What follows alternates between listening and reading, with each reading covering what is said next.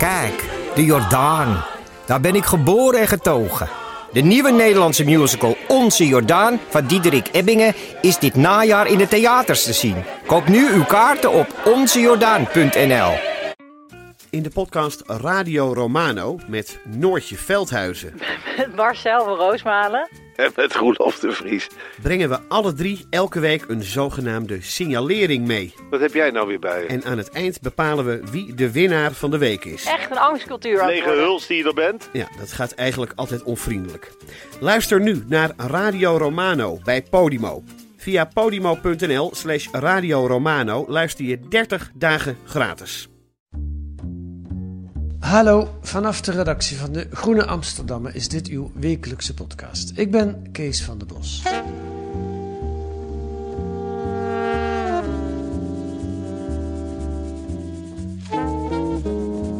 Simone Korkus is Nederbelg. Ze woont al 20 jaar in Israël. Deze week doet ze in de Groene verslag van de rellen die er begin mei plaatsvonden in Israëlische steden tussen delen van de Joodse bevolking en de Arabische bevolking. Want 20% van de bevolking van Israël is Palestijn, of Arabier. Hoe moet je die noemen? Daar gaan we het zo over hebben. En die bevolkingsgroep heeft een heel andere positie dan de Palestijnse broeders in de Westbank of de Gazastrook. Ach, het is een wespennest, waarin het voor een genuanceerd journalist niet gemakkelijk lijkt om, waarin het mij voor een genuanceerd journalist niet gemakkelijk lijkt om haar werk te doen. Maar Simone Korkus doet dat toch. Welkom in de podcast, Simone. Dankjewel, Kees. Eh, wat is een Nederbelg?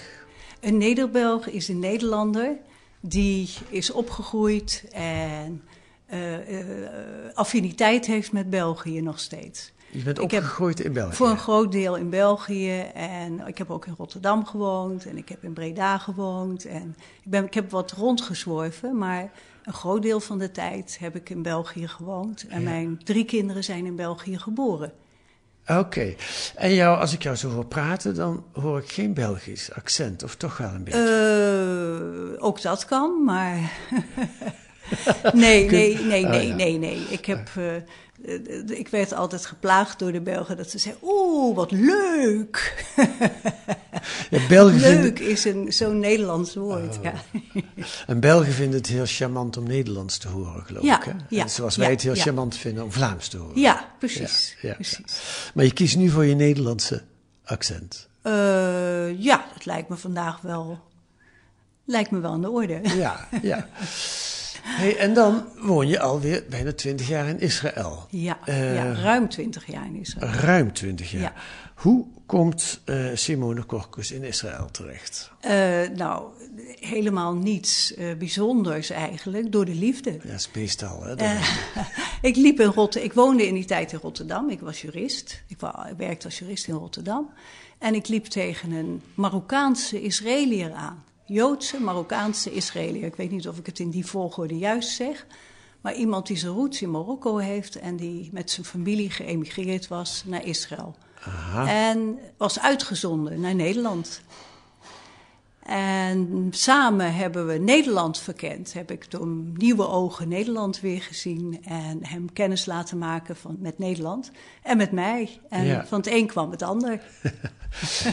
En dan besluit je op een gegeven moment om in Israël te gaan wonen. Ja. Dat ja. was meteen al bedoeld voor lange duur, of dat wist je toen nog niet? Eh, ja, eh, ook dat is, is weer heel persoonlijk. Maar eh, mijn ouders waren inmiddels overleden. Mijn ouders woonden ook in België. Die waren overleden. Eh, hij had grote moeite met eh, Nederland en België. Niet alleen het weer, maar het, het formele. En hij, zoals de meeste Israëliërs, die worden als een magneet teruggetrokken naar hun eigen land. Als ze langere tijd in het buitenland zitten, dan krijgen, worden- krijgen ze heimwee, moeten ze terug. Ja. En zeker in eh, november, december, dan, ja, dan sloeg de depressie toe. En dus toen hebben we, ik dacht, ik kan overal wonen. Ik had nogal wat gereisd. En, eh, dus ik vond het niet erg om dan Israël te gaan proberen. En dat is blijkbaar goed bevallen, want je woont er nog Eh, steeds. ja, maar daar is een hele lange periode overheen gegaan. Ja? Eh, het is nooit makkelijk. Ik, ik Nee. kijk nu in, in Nederland en dan zie ik Syriërs lopen. eh, en dan denk ik, ja, de kou en de andere cultuur, andere taal. En dat heb ik tot op zekere hoogte meegemaakt. Eh, Weliswaar een hele luxe immigrant, maar Ja. ik was ook immigrant. Ja. En niet Joods. Ik denk dat dat erbij gezegd moet worden. Het maakt toch wel een groot verschil.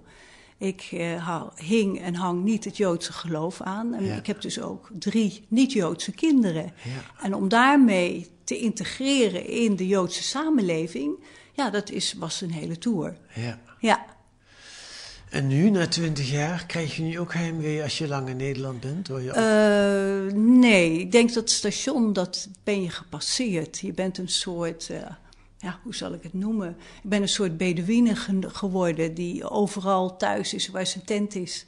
En eh, dat, dat echte gevoel van ontheemding, wat je in het begin hebt, dat, dat is weg. Dat is weg. Ik kan nu, denk ik, overal, als het een beetje eh, aangenaam is. Ik denk, als ik in, Af- nu morgen in Afghanistan terechtkom, dan wordt het wat lastig, als, zeker als vrouw. Ja. Maar eh, ik denk dat ik overal wel kan aarden en mijn, mijn thuis kan vinden. Dus hier in Nederland en daar. Oké. En ben je van Israël gaan houden? Eh, ja, en ik, ik schrijf op dit moment een nieuw boek. En dat gaat over mijn alia naar Over Israël. Alia noemt men dat. Alia betekent opstijging eh, in het Hebreeuws. En dat is als je vanuit het buitenland naar Israël emigreert. Aha. En eh, ik, dat kan als Jood zijn, dat kan eh, dat is eigenlijk als Jood zijn, maar het wordt ook veel ruimer. Het wordt gebruikt als alia is het terugreizen naar Israël. En eh, ik, ik schrijf daar nu zelf over, van die periode, van hoe dat ging. En, en eh, wat je in het begin heel erg mist, dat is vooral de vanzelfsprekendheid. Eh, hier doe je alles vanzelfsprekend. Wij spreken Nederlands en ik weet dat wat ik zeg, dat jij dat onmiddellijk begrijpt. En als je mij een vraag stelt, begrijp ik die. Dan kunnen we misverstand hebben, maar we begrijpen elkaar. En dat is iets wat je in het begin heel erg mist. En het tweede punt wa- waar ik eh, op de reis naar Nederland nu ineens aan dacht, was: eh, het is ook iets van je veilig voelen. En hoe vreemd het ook mogen klinken, ik voel me tegenwoordig veilig in Israël. Rationeel gezien is dat misschien helemaal niet zo, want de- af en toe vliegen de bommen je om de oren en eh, er gaat veel mis. En in Nederland zou dat veel gemakkelijker moeten zijn, maar toch voel ik me relatief veilig. En dan een derde punt is, denk ik, dat je je ergens thuis voelt als je je dat thuis verworven hebt. Daar is een struggle aan vooraf gegaan. Elke immigrant maakt dat mee. Een struggle om jou thuis te verwerven. En ja, en dan ga je van het land en vooral ook, ik hou van mensen, dus van de mensen houden. Ja. ja, ik ken een paar Syrische vluchtelingen die inmiddels al vijf of zes jaar in Nederland zijn. Ja, Ja, voor de, voor de hele jongen, die kunnen er nog wel iets van maken. Maar boven de 40, boven de 50, dan, dan vlucht je echt vooral voor je kinderen, denk ja, ik, als ik het zo ja, zie. ja, ja. Die, die zijn flexibel en die, die wordt... Ja. Maar, maar jij was nog zo jong dat Israël wel echt een veilig land is geworden voor jou. Eh, ja, nou, ik was, denk ik, eens even kijken, ik, ik was net in de 40. Dus dat is nog net, zeg maar, dat is grensgeval. ja, En ja. ik wil, ik moet erbij zeggen, ik wil me zeker niet vergelijken met eh, Syrische immigranten die in Nederland wonen. Die problematiek is totaal anders. Ja. En ik heb met die mensen te doen, want die zijn moeten vluchten uit hun, die hebben alles moeten achterlaten. Ja, En ik, daarom noem ik mezelf een hele luxe immigrant, want ik Ja. had de keus. ja, maar ook luxe immigranten hebben hun... Hebben hun problematiek. Ja, ja. En je liet het al even by the way vallen. Je, je hebt een aantal boeken geschreven. En je volgende boek gaat hierover. Over jouw Ja. wortelingsproces in Israël. Precies, ja. Dat is voor journalisten vaak moeilijk om over zichzelf te schrijven. Heel moeilijk. Ik ben heel erg privé. Ja, En ik geef nooit interviews af over mezelf, omdat ik, ja, ik vind dat eigenlijk niet interessant. Mijn eigen verhaal ken ik al. maar nu ga je er een boek over schrijven. En nu ga ik er toch een boek over schrijven. En dat komt eigenlijk door een aantal vrienden die, die me vroegen van... ja, het is leuk dat je schrijft over al die mensen, maar wat is nou jouw verhaal? Vertel jouw verhaal nou eens een keer, na al die jaren. Dus heb ik besloten om dat te doen en dus ook te vertellen van, ja, hoe ben ik überhaupt journalist geworden? En waarom? En, en, en, maar ook het, mijn privéleven. Mhm. Eh, kinderen die in het begin grote moeite gehad hebben met de inburgering. Eh, mijn oudste dochter, die, eh, die heeft het heel moeilijk gehad. Hoe Die- oud was die Maar die toen? was toen, ik denk dat ze tegen de negen was, ja. En die mijn zoon was dan zes. En dan had ik nog een klein meisje en die was toen tweeënhalf. Dus die heeft, eigenlijk heeft die dat niet meegekregen. Maar mijn dochter zeker. En die raakte de vriendinnetjes kwijt en de taal. En eh, we kwamen op de eerste schooldag. En mijn kinderen die in strikte op het school in België waren opgevoed. Met als de schoolbel ging, dan stond iedereen keurig in een rechte rij voor, hun- voor zijn klas. En in Israël was het gewoon één enorme bende met kinderen die op stoelen stonden. En geschreeuw, en getrek, en gepluk. En mijn kinderen waren helemaal verstijfd. Die stonden met open mond naar die kinderen te kijken. Lijkt wel een beetje op Nederland. Dus, ja. Dus die hebben het in het begin zeker moeilijk gehad. En eh, ja, voor mij was het natuurlijk ook enorm wennen. ja. En Ja. ja, Nou, misschien spreken we daarover nog een keer uitgebreider als dat boek er eenmaal is. Ik Prima. Ben, ik ben heel benieuwd. Eh, we gaan het nu hebben. We, we zitten hier naar aanleiding van jouw artikel deze week in De Groene. Ja. Maar voordat ik daar naartoe ga, wil ik eerst nog over iets anders hebben. In het, in het Midden-Oosten, met name in Israël. Ik noemde het al in mijn inleiding. Voor mij lijkt me dat een soort wespennest. In die zin, ehm, nou laat ik het anders vragen. Journalisten werken met taal. ja. Eh, welke woorden gebruik jij voor het conflict tussen de eh, Palestijnen en de Joden in, eh, en de Israëli's? Ehm, dat is een hele lastige vraag. Ja. En dan kom je meteen bij het, het grote probleem dat de retoriek is enorm belast. Ja, Eh, zo kun je over de afscheidingsmuur praten, of de racistische eh, muur, Ja. of eh, over de veiligheidsmuur. Ja. Het hangt er maar vanaf aan welke kant je staat. hoe noem jij het? Ik noem het de afscheidingsmuur, want dat is wat hij doet. Hij scheidt twee gebieden van elkaar. Ja, Eh, beveiliging, ja, daar kun je vraagtekens bij zetten. Racistisch, ja, misschien wel of misschien niet. Maar daar zit ik. Ik ben geen politicus. Nee. Ik zit er niet voor de politiek, Nee. maar om te beschrijven wat er gebeurt. jawel, maar dat... En af en toe, ja, conflict. Zijn er conflicten? Zeker, zeker. Eh, ik, zal, ik zal niet gauw het woord oorlog gebruiken. Wat men in Israël bijvoorbeeld doet. Dat men zegt er is een oorlog met Gaza. Oorlog is voor mij iets tussen gelijke partijen. En dat is toch niet aan de hand, lijkt mij zo. Nee, nee. Dus dat zal ik niet gauw gebeuren. Maar conflict, conflict is een strijd tussen twee partijen, of, of tussen meerdere partijen, of tussen twee volken. Ja. En ik, in mijn optiek mag je rustig van conflict spreken. Ja.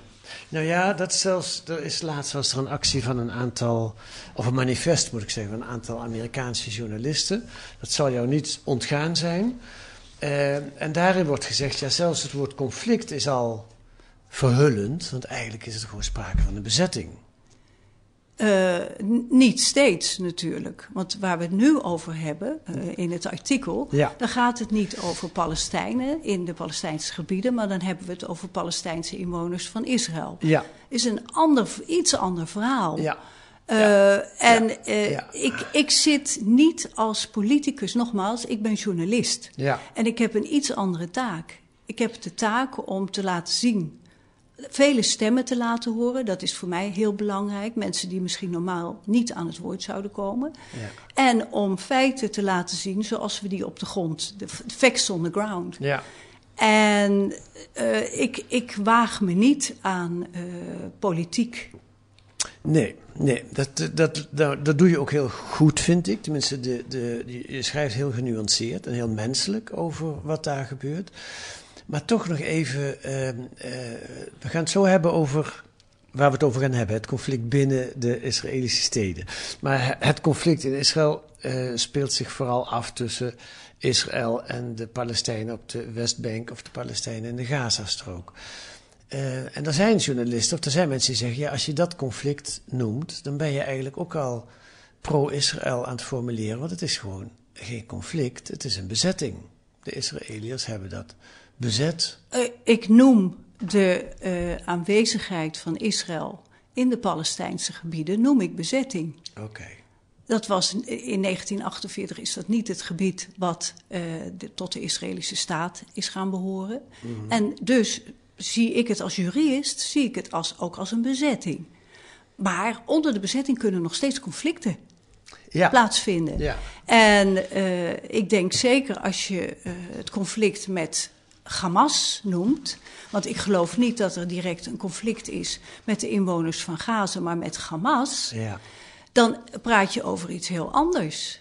Ja, dat is waar. Maar tegelijkertijd, als je kijkt naar de levensomstandigheden van de gewone Palestijn in de Westbank en in de Gazastrook, voor zover als ik daarover lees, jij weet daar veel meer van dan ik.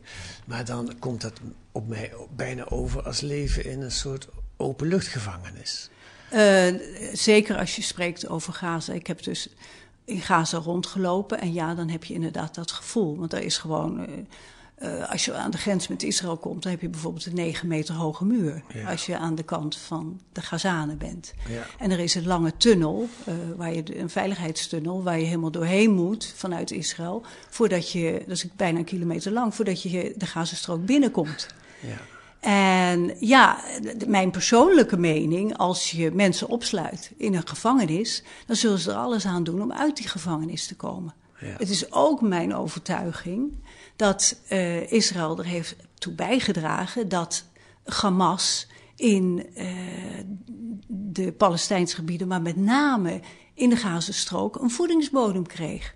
Dat als je mensen kwetsbaar maakt en er is een gevoel van onvrede en van haat en de Fatah-partij helpt niet.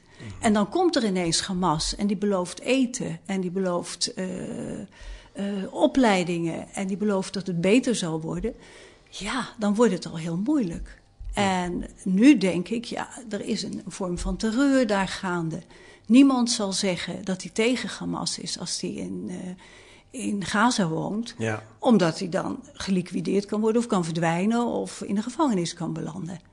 Ja. En ik hoop, uh, als het me gaat lukken, dan hoop ik voor De Groene een artikel te schrijven. Want ik ben nu in contact via via met mensen die gevlucht zijn uit de Gazastrook. En dat is oh? gevlucht. Voor ja. wie gevlucht? Voor uh, de, de Hamas. De, de, ja. En die, die wonen ergens in het geheim. En ik hoop van harte dat ze mij willen ontvangen. En dat moet dan heel voorzichtig en zoals je zult begrijpen. En Ja. die, die namen mogen absoluut niet bekend worden, want dat is gevaarlijk voor ze. Gaan we het ook een volgende keer over hebben misschien? Ja, heel wat goed. ja. We gaan naar je artikel van deze week. Uh, en daar, dat wil ik inleiden met het volgende fragment. Luister. Israel is facing an escalating conflict on two fronts, not just against rocket fire from Hamas, but within its own borders as well. Riots between Israeli Arabs and Jews rocked cities in Israel last night for a third night in a row. Israeli officials say they've locked down the city of Lud, the first such action in decades. Fireworks near the Mosque of St. John in Akko, not for celebration, but confrontation. They're fired at police by young Arab Israelis. They barricaded themselves in, following rumours Jewish extremists were attacking the mosque. The central Israeli city of Lod has become a flashpoint for Arab Jewish clashes. Intracommunal violence continued for a fourth night, Thursday to Friday, despite a bolstered police presence ordered by the government. Hussein Assadi works at the town hall. He can't recall such tensions. Things got out of hand. It's getting bigger and bigger. It's the first time I've seen something like this here. The coastal city of Bat Yam near Tel Aviv is one of the areas picking up the pieces after riots. One Arab shop owner said she was devastated by an attack. I have Arab and Jewish customers. We have always mixed. I never felt like there was something wrong. They used to come up and try to talk to me in Arabic. Israel's president has called for an end to the violence, warning of the danger of civil war. Simone, wat, wat hoorden we? Wat gebeurt hier? Het zijn fragmenten, laat ik dat eerst even zeggen, van Friends 24 uh, van uh, 13 en 14 mei van dit jaar. Ja, ja, ja. Ja, we hebben net in Israël een periode achter de rug uh, die men uh, de, de slechte dagen noemt, de, de elf of twaalf slechte dagen, uh, waarbij inwoners, burgers van Israël met elkaar op de vuist leken te gaan. En dat is opgepakt door de media.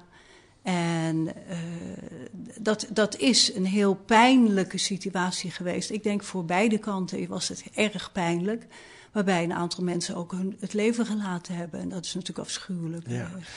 En laten we het even duidelijk afgrenzen. Je hebt dus de, de geweldsuitingen, een conflict tussen uh, Israël en bewoners van de Palestijnen op de Gazastrook en Palestijnen op de Westbank. Hier gaat het om iets anders. Hier gaat het om Israëli's die met elkaar vechten. Ja. Maar dan heb je Arabische Israëli's. Ja. Zijn dat ook Palestijnen? Uh, ik heb het in mijn artikel, wat, waar we het dus nu over hebben, heb ik het genoemd als Arabische inwoners van Israël. En soms, ik heb toestemming gevraagd aan de mensen die ik geïnterviewd heb, wat allemaal Arabische inwoners van Israël zijn. En die gingen akkoord met die benaming, ook om het verschil aan te geven. Want als je het over Palestijnen hebt, en zeker als je dan in Nederland bent, dan denkt men acuut aan inwoners van de Westbank en van de Gazastrook. En hier hebben we het dus over 20% van de bevolking, van de Israëlische bevolking, ruim 20%, is dus Palestijns, ofwel Arabische inwoner van Israël. Ja, ja. Het is een wat vergeten groep. Ja. Uh, daar hebben we het eigenlijk nooit over.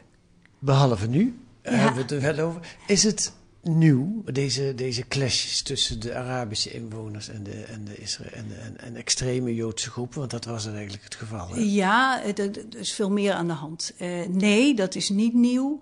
En uh, er zijn fricties. Het probleem ligt hem ook een beetje in de segregatie. Er is geen uh, vermenging. Als we het hebben over mixed cities of gemengde steden, dan moet je je niet voorstellen dat dat steden zijn waar Joden en, en Arabische inwoners door elkaar wonen. Dan zijn er bepaalde wijken die Jood zijn en zijn wijken die Arabisch zijn. Dat is echt strikt gescheiden. Uh, helemaal strikt gescheiden niet. Maar je kunt wel zo, als je, daar, als je in Israël woont, dan weet je zo waar de Joodse wijken zijn en waar de Arabische wijken zijn. Hm. Uh, er zijn uitzonderingen. Ik heb een hele goede vriend, uh, Joodse vriend, die een hotel begonnen is in het, in het centrum van, het, van de oude stad Akko. Waar, en heeft alleen maar Arabische burgers om zich heen. Hij heeft zich daar helemaal geïntegreerd. En zijn uh, hotel is nu met de grond gelijk gemaakt. Dan gaat het dus niet over de inwoners van Akko die dat gedaan hebben, nee. maar ook extreme groepen. Uh, uh, de Arabieren zeggen zelf dat zijn criminelen die dat gedaan hebben. Die hebben, uh, en, en natuurlijk ook aan de Joodse kant, extremistische Joden, die hebben gewoon die demonstraties en de, en de, de onvrede die er heerste gehijacked om uh, olie op het vuur te gooien. Maar datzelfde geldt vanuit de Arabische kant, waarbij criminelen gewoon de demonstraties gekidnapt hebben. Mm. En uh, daardoor is een enorme escalatie geweest van geweld, van lynchpartijen, van uh, het, het, aanvallen van mensen. tot, tot in den extreme dat, dat demonstranten zelf heel bang werden. En dat kun je ook in het artikel lezen. Er zijn een aantal jonge meisjes die doodsbang werden en, en gauw verdwenen zijn. Ja. Hoe ging dat? Die gingen demonstreren? Ja. Demonstreren tegen uh, de aanval van Israël op de Gazastrook? Uh, ja, niet eens. Uh, dat soort demonstraties zijn er dus ook om uiting te geven aan, aan je onvrede. En dat kan op verschillende punten zijn een deel van de mensen uh, wilde uiting geven aan de onvrede met de ongelijke behandeling van Arabische bewoners in Israël. Ja. Een deel wilde zich solidair vertonen met de Arabische broed, met de, de Palestijnse broeders op de Gazastrook en in de Westbank. Ja. En dan is er dus een, een laatste deel, en dat is eigenlijk de, de de, uh, hoe zou je het noemen, de, de röntgenfoto van een demonstratie. Die vredig begint, vreedzaam begint, want demonstreren, ook in Israël, is je democratisch recht. Mensen die daar komen, die uh, een selfie maken van, kijk, ik ben op die demonstratie geweest. Die zetten dat op de sociale media van, ik uh, strijd ook voor de, die, die inwoners van Sheikh Jarrah die ont, de ontruimd zullen gaan worden. En ook voor de mensen in de Gazastrook. Ja. Dat is, dat, daarmee begint het.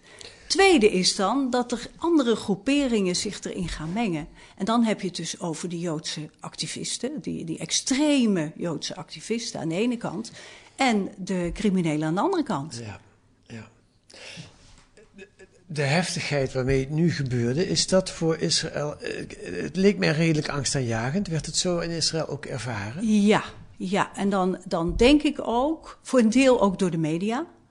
Voor een deel uh, zijn, werden de zaken ook wat, wat opgeklopt door de media. Hm. Met andere woorden, mensen zaten. Ik, ik ben bij mensen thuis geweest. Uh, in, een, in een klein plaatsje die tussen twee Arabische gemeenschappen in zaten. Uh, die uh, kregen te horen dat ze in hun huizen moesten blijven zonder licht, s'avonds. En die hoorden om zich heen bommen die neerkwamen, raketten die neerkwamen, gegil. de rook van, van autobanden die in brand gestoken werden. En die waren dus vreselijk angstig. Ja. Maar anderen die kort bij de demonstraties waren en zagen wat er gebeurde, die hadden daar minder last van. Die zeiden van ja, het is een herhaling van zetten, want het was ook een samenloop van omstandigheden. Het was uh, de tijd van de Ramadan. Tijd van de Ramadan. Ik heb zelf in een, in, tijdens de Ramadan in een klein plaatsje gezeten in, in. Kafarkana is het Canaan uit de Bijbel. Aha. En s'avonds, ja, na zonsondergang, is dat één groot feest. En dan hoor je de muezzin op de moskee. Uh, en je, je ziet uh, jongens in auto's, open wagens voorbij rijden. Ook met vuurwapens die in de lucht gaan schieten. Want het is één groot feest. En er wordt uh, vuurwerk afgestoken. Maar er zijn ook rellen. Ieder jaar weer met de Ramadan zijn er rellen. En ja, hoe men daarop acteert van beide kanten, dat bepaalt of het escaleert of niet. Redden, dat betekent dan dat er... Onrust, onrusten. Hangjongeren in Nederland zou je zeggen, die, die, die, op stap gaan en, ja. en rellen gaan schoppen. Nu komt het nog eens een keer bij corona. Ik bedoel, in Nederland hebben we ons een mond vol over jongeren die depressief zijn. Terecht, denk ik, dat we daarover praten depressief zijn door uh, corona. Maar die heb je natuurlijk daar ook. Ja. Ook in Israël, zeker in de Arabische wijken.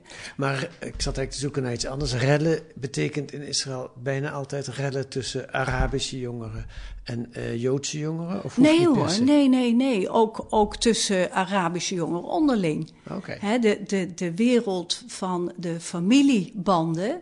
Dan zie je grote groepen jongeren, meestal van één familie, die dan met z'n allen rondlopen. En het kan ook leiden tot een handgemeen met groep, andere groepen jongeren. Ja, ja, ja. ja, ja.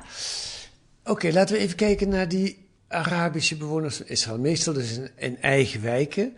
Uh, jij of eigen steden, Of hè? eigen steden zelfs. Jij bent er naartoe gegaan. Dat was een goede journalist betaamd. Je hebt gewoon... Uh, ja. Dus, nou, en dat kan ook gewoon, blijkt Tuurlijk, ja.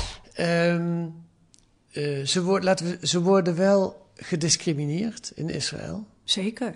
Is dat, ja. Hoe ernstig is dat? Nou, als ik puur juridisch kijk, eventjes... Uh, in 2018 hebben we nog de, de nazistaatwet uh, gekregen. Israël heeft geen grondwet.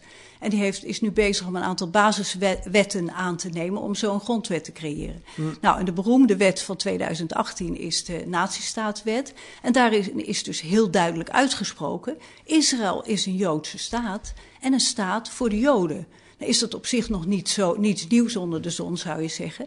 Maar voor die, wat je net al zei, ruim 20 procent Israëliërs die niet Joods zijn en die, die Arabisch zijn, is dat nogal wat. Ja. En als je daarbij dan ook neemt dat Arabisch eigenlijk de tweede taal was altijd van Israël. En nu is het uitsluitend Hebreeuws geworden. Ook dat, daar is, is heel veel onvrede over. Nou, een, een ander punt, en dat wil ik nog heel eventjes... Uh, sorry, ik snoer je de mond, maar ik wil daar nog heel even op ingaan. Dat is dat er een discriminatie is op het punt van de planning, de planologie en het toekennen van vergunningen, bouwvergunningen. Uh, die, die vergunningen worden veel minder toegekend aan Arabische inwoners in hun Arabische wijken en Arabische steden dan aan Isra Joods-Israëlische inwoners. Ja. Dus je krijgt dat die steden exploderen, dat er steeds meer mensen in kleine huizen gaan zitten. Of dat ze zonder bouwvergunning bouwen en vervolgens wordt dat huis dan weer afgebroken met heel veel ellende en, en boosheid. Zie daar een voedingsbodem voor, voor woede. Ja, ja, ja. Hoe verhouden die Arabische burgers in Israël, die zich gediscrimineerd voelen, maar aan de andere kant, ze voelen zich wel Israëli, heb ik me laten vertellen. Ja, ja. Ze zijn op een bepaalde manier ook trots op dat ze Israëli zijn. Ja, dat zegt een van de, van de geïnterviewden. Die zegt, we zijn er trots op om Israëliër te zijn. Ja. Uh, ik weet niet of dat voor iedereen geldt, want er zijn ook andere stemmen. Maar uh, men, is, men vindt het prettig om in Israël te wonen, omdat het een heleboel uh, positieve punten meebrengt. Ook meebrengt. Je, je, kan ook maar beter in Israël wonen als Palestijn, denk ik, dan in de Gazastrook of zelfs de Westbank. Ja, ja al vind ik dat altijd een wat koloniale opmerking. Van, uh, omdat het zoveel slechter is in de omringende landen, wil nog niet zeggen dat je als Israëlisch burger dan geen aanspraak mag maken op gelijke rechten. Nee, zo bedoel ik het nee, helemaal nee, niet. Nee, maar eh, het is eigenlijk een breukje naar het volgende. Hoe verhouden die, hoe kijken die Arabische inwoners van Israël? Zijn dat, je, je zou verwachten, ik zou verwachten als relatieve buitenstaander, dat zijn natuurlijke bondgenoten van de Palestijnen in de Gazastrook en de Westbank. Die, die steunen die strijd. Ja. Zie ik dat goed? Uh, voor een deel, voor een deel, ja. Uh, uh, natuurlijk heeft men gevoelens voor de broeders in de Palestijnse gebieden. Ja. Maar ik heb me ook laten vertellen dat als er gesproken wordt over het herenigen met de Palestijnse staat, dat men daar absoluut, dus dan heb ik het over de Arabische inwoners van Israël, daar niet voor te vinden zijn. Als je het dus, over de twee-staten-oplossing De twee-staten-oplossing ja. wel, maar ze willen niet uh, herenigd worden als Arabische oh, burgers met de Palestijnen. Op zo'n manier, ja. Ja, ja, ja, ja. En, en uh, dus ik denk uh, dat er zeker affiniteiten zijn. Dat er zeker, en voor een deel zijn ze ook familie van elkaar. Hm. Hè, er zijn Arabische inwoners die regelmatig naar de Palestijnse gebieden gaan om familie te bezoeken. Ja, ja, ja. Dan vind ik het interessant in jouw stuk dat jij, jij dicht deze groep, die, die 20%, een soort bemiddelende rol toe. Je zegt, wat zou het mooi zijn als zij nou eens een rol gingen spelen in het oplossen of het bemiddelen in het conflict in Israël. Ja. Uh, is dat alleen poëtisch bedoeld of is dat ook reëel? Is, is er enige... Uh, het, het, is, in de eerste plaats was het een, een opmerking van de, mijn goede vriend uh, Jafar Farag die dat, dat, zegt. Wie is dat? Dat is uh, iemand van een mensenrechtenorganisatie in Israël, Mossawa. Oké. Okay. En uh, die door de jaren heen echt heel zich heeft opgeworpen voor uh, mensenrechten van Arabische inwoners van Israël. Maar zich ook bezighoudt met de problematiek in met name de Westbank. Hm. En ik denk inderdaad dat hij gelijk heeft. Ik denk dat Israël enorme kansen mist door geen gebruik te maken van de Arabische inwoners van Israël. Maar ze zijn toch helemaal geen partij op dit moment in die onderhandelingen of in die. Uh, die zijn er altijd en die blijven er altijd. En in het Midden-Oosten kan de situatie op de grond binnen enkele dagen veranderen. Uh, de flexibiliteit is enorm. Hm. En we hebben in het verleden gezien dat er uh, relatief grote stappen gemaakt zijn, bijvoorbeeld in, in de vrede met Jordanië of met Egypte, terwijl men dat absoluut niet voor mogelijk hield. Hmm. Er zijn continu, dat is ook iets wat, wat uh, men niet weet, er zijn continu contacten tussen de Palestijnse autoriteiten en Israël, de Palestijnse gebieden en Israël. Hmm. Men is nu in Egypte bezig met een onderhandeling met Hamas. Dus de mogelijkheden zijn er te over. Het is niet zo dat, dat alles vastzit. Dat snap ik, maar die Arabische inwoners van Israël, spelen die daar überhaupt een rol? Die tot eigenlijk uh, sinds de Oslo-akkoorden zijn die een beetje buitenspel gezet. Want daarbij is de focus alleen geweest op de Palestijnen en de Palestijnse gebieden en hoe ja. dat gebied geregeerd ja. moest worden. Ja. He, ze zijn buitenspel gezet. En dat zegt uh, Jaffa, dat dat zo jammer is dat dat gebeurd is. Want echt, de Israëlische Arabieren zouden go-changers kunnen zijn. Spreken de taal, kennen de cultuur van beide, beide volkeren. Dus dat zou een, een enorme uh, verandering teweeg kunnen brengen. En, en vrede begint bij jezelf. Het moet van binnenuit komen, niet van buitenuit. Ja. En als ik jouw artikelen lees, dan is de vredeswens van de gemiddelde mens in Israël heel groot. Maar van de organisaties, daar ligt het soms wat moeilijker. Ja, dat denk ik ook. Ja, ik denk ook dat de situatie vaak gebruikt wordt door uh, politici, door, door grotere organisaties om, om uh, de hegemonie in een bepaald gebied te krijgen. Of uh, verkiezingen op een bepaalde manier te laten lopen. En dan bedoel ik niet alleen uh, Israël of, of de Palestijnse. Dan bedoel ik niet alleen Israël, maar ook de Palestijnse ja. gebieden. Ja, ja. en de arme burger die wordt daar de dupe van. Nu, nu, is er een hele rare regering aan de macht op dit moment in Israël. Hè? De, Ja. de anti-Netanyahu-coalitie Ja. uh, is het. En er zit zelfs voor het eerst, geloof ik, een uh, Arabische... Uh, of een partij van Ara Arabische Israëli's Ja, in, in de regering. Ja, ja. Is, is dat een belangrijke stap? Ik denk het wel. Ik denk dat dat een belangrijke stap is. Want voor het eerst in een demo democratisch land gaan zij hun belangen, hoop ik, hun belangen vertegenwoordigen. En krijgen ze dus ook een, al is, is het een kleine stem nog steeds, maar ze krijgen een stem in de regering. En ik denk dat dat heel belangrijk is. Ja, ik denk dat dat een stap voorwaarts is. Al is niet iedereen geporteerd van de, de raampartij van, van, van Abbas. Maar dat is dus de partij die in de regering zit. Ja. Maar toch is het een, een, een voordeel voor, voor menig Arabisch inwoner om te zien: ja, we hebben dus ook iets te betekenen. Ja. Want de grote schreeuw is eigenlijk naar leiderschap. Ja. Het geweld in de, in de Arabische gemeenschappen is enorm toegenomen. Dat zegt, heeft iedere uh, geïnterviewde tegen me gezegd. Wacht even, leiderschap. Leiderschap van de... van de Arabische, voor de Arabische bevolking. In Israël. In Israël, ja. Ja, daar ontbreekt het aan. Ja, dat, dat is een opmerking die ik van vele uh, Arabische inwoners krijg. Van, we hebben sterk leiderschap nodig. We hebben iemand of een organisatie nodig die voor onze rechten opkomt. Meer dan tot nu toe. En dus denk ik dat als er een politieke vertegenwoordiging is in de regering, ja. is dat een stap in de goede richting. Ja. Ga jij het nog meemaken, vrede in Israël? Uh, ik, zou, ik hoop het.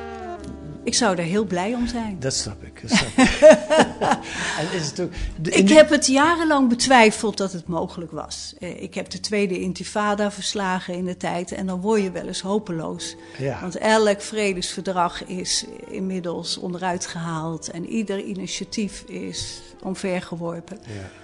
Maar ik denk nu heel sterk van het moet gedragen worden van binnenuit door de mensen zelf. En als ik de inwoners van Israël beluister, want ik heb ook de andere kant geïnterviewd, dan hoor ik van ja, uh, we, we, we zitten samen en we zullen, we zullen samen moeten verder leven. Nou, ik denk als iedereen daar nou eens van doordrongen is dat dat echt moet, Mhm. mm -hmm. dan zijn we al een stap in de goede richting. En wat maakt nou dat je hoopvoller bent dan twintig jaar geleden toen je in Israël kwam en die tweede intifada versloeg? Uh, ik, nou, allereerst was de tweede intifada natuurlijk heel vreselijk. De, we hebben tijden meegemaakt dat ik echt bijna dagelijks uh, bomaanslagen en de gevolgen van een aanslag zag. Ja, daar word je niet echt hoopvol ja. door. Nee. En uh, iedere keer kwam er dan weer een fact-finding committee uit van de VN, of er kwam weer een of andere. Uh, was zoals ze het in Israël dan zeiden, houten methode die weer even vrede, met een vredesverdrag kwam. En het liep op niks uit. Mm. Nu denk ik van, er zijn steeds meer mensen, aan beide kanten die iets te verliezen hebben. Met een oorlog, met een algehele oorlog hebben ze wat te verliezen. Met de strijd hebben ze wat te verliezen. En ik denk dat mensen ervan doordrongen moeten zijn. En daarom nog even hamerend op die eh, go-changers. Doordrongen moeten zijn dat er fouten gemaakt zijn. Dat het narratief van de andere kant ook heel pijnlijk is. En als kinderen dat kunnen, want er zijn allerlei initiatieven nu gaande met schoolkinderen. Als schoolkinderen, kleine kinderen het kunnen, dan denk ik dat de kinderen in grote mensenlichamen dat misschien ook wel moeten kunnen. Simone, we zitten al eh, ruim over onze tijd heen, maar het is, ik, ik heb de neiging om hier nog veel langer met je over te praten. Maar dat doen we misschien een andere keer. Heel erg bedankt voor dit gesprek. Jij dank je wel voor het gesprek.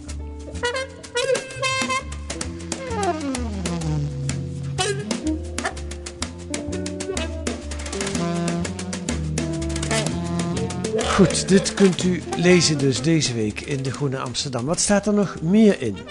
Een essay van Jan Postma over de haat op Twitter en zijn eigen fascinatie voor deze fitties, zoals dat heet. Proberen we in onze gedeelde afkeer geborgenheid te vinden, vraagt hij zich af. Of is er iets anders aan de hand? Jan Postma. En een onderzoek naar de schimmige handel en wandel van een Pakistaanse familie die in de Amsterdamse binnenstad een heel pandjesimperium bijeensprokkelt. Met de hypotheek van de altijd bereidwillige Rabobank. Dat kunt u lezen met een abonnement of een proefabonnement. Ga dan naar groene.nl, daar wordt u dat allemaal keurig uitgelegd. Groene.nl.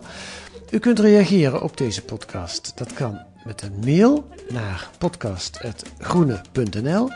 Volgende week zijn we er weer met analyses en achtergronden bij het nieuws in deze podcast van de Groene Amsterdammer, die deze week werd gemaakt door Sophie Bongers, Misha Zaat en Kees van der Bos. En de muziek is A Tune for N van Paul van Kemenade.